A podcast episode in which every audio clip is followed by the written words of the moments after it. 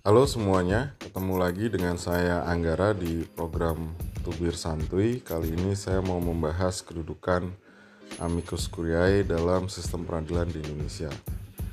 Amicus curiae atau sahabat pengadilan adalah suatu dokumen yang disusun oleh para pihak yang merasa berkepentingan merasa memiliki minat terhadap satu proses hukum tertentu namun tidak terlibat sebagai pihak-pihak dalam proses hukum tersebut.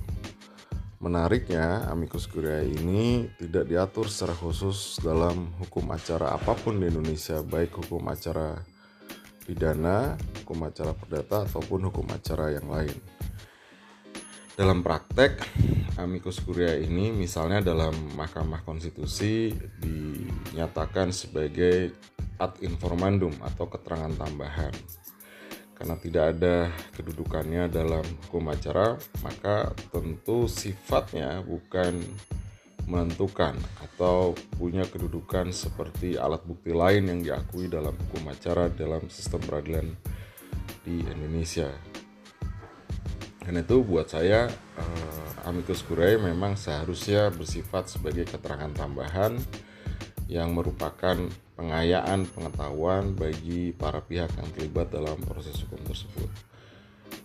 Terlepas dari apakah amicus curiae diatur atau tidak dalam sistem peradilan kita, namun amicus curiae harus bersifat independen dan imparsial, artinya tidak memihak karena dia diajukan oleh para pihak yang tidak memiliki kepentingan langsung dalam perkara tersebut, namun memiliki minat dan keahlian tertentu terkait dengan proses hukum tersebut.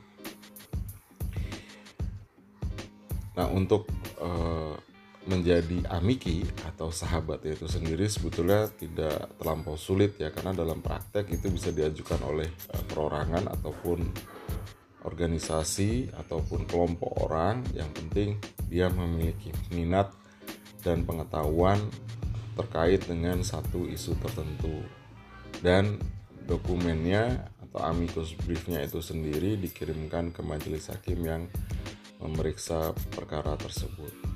Demikian penjelasan ringkas mengenai amicus curiae.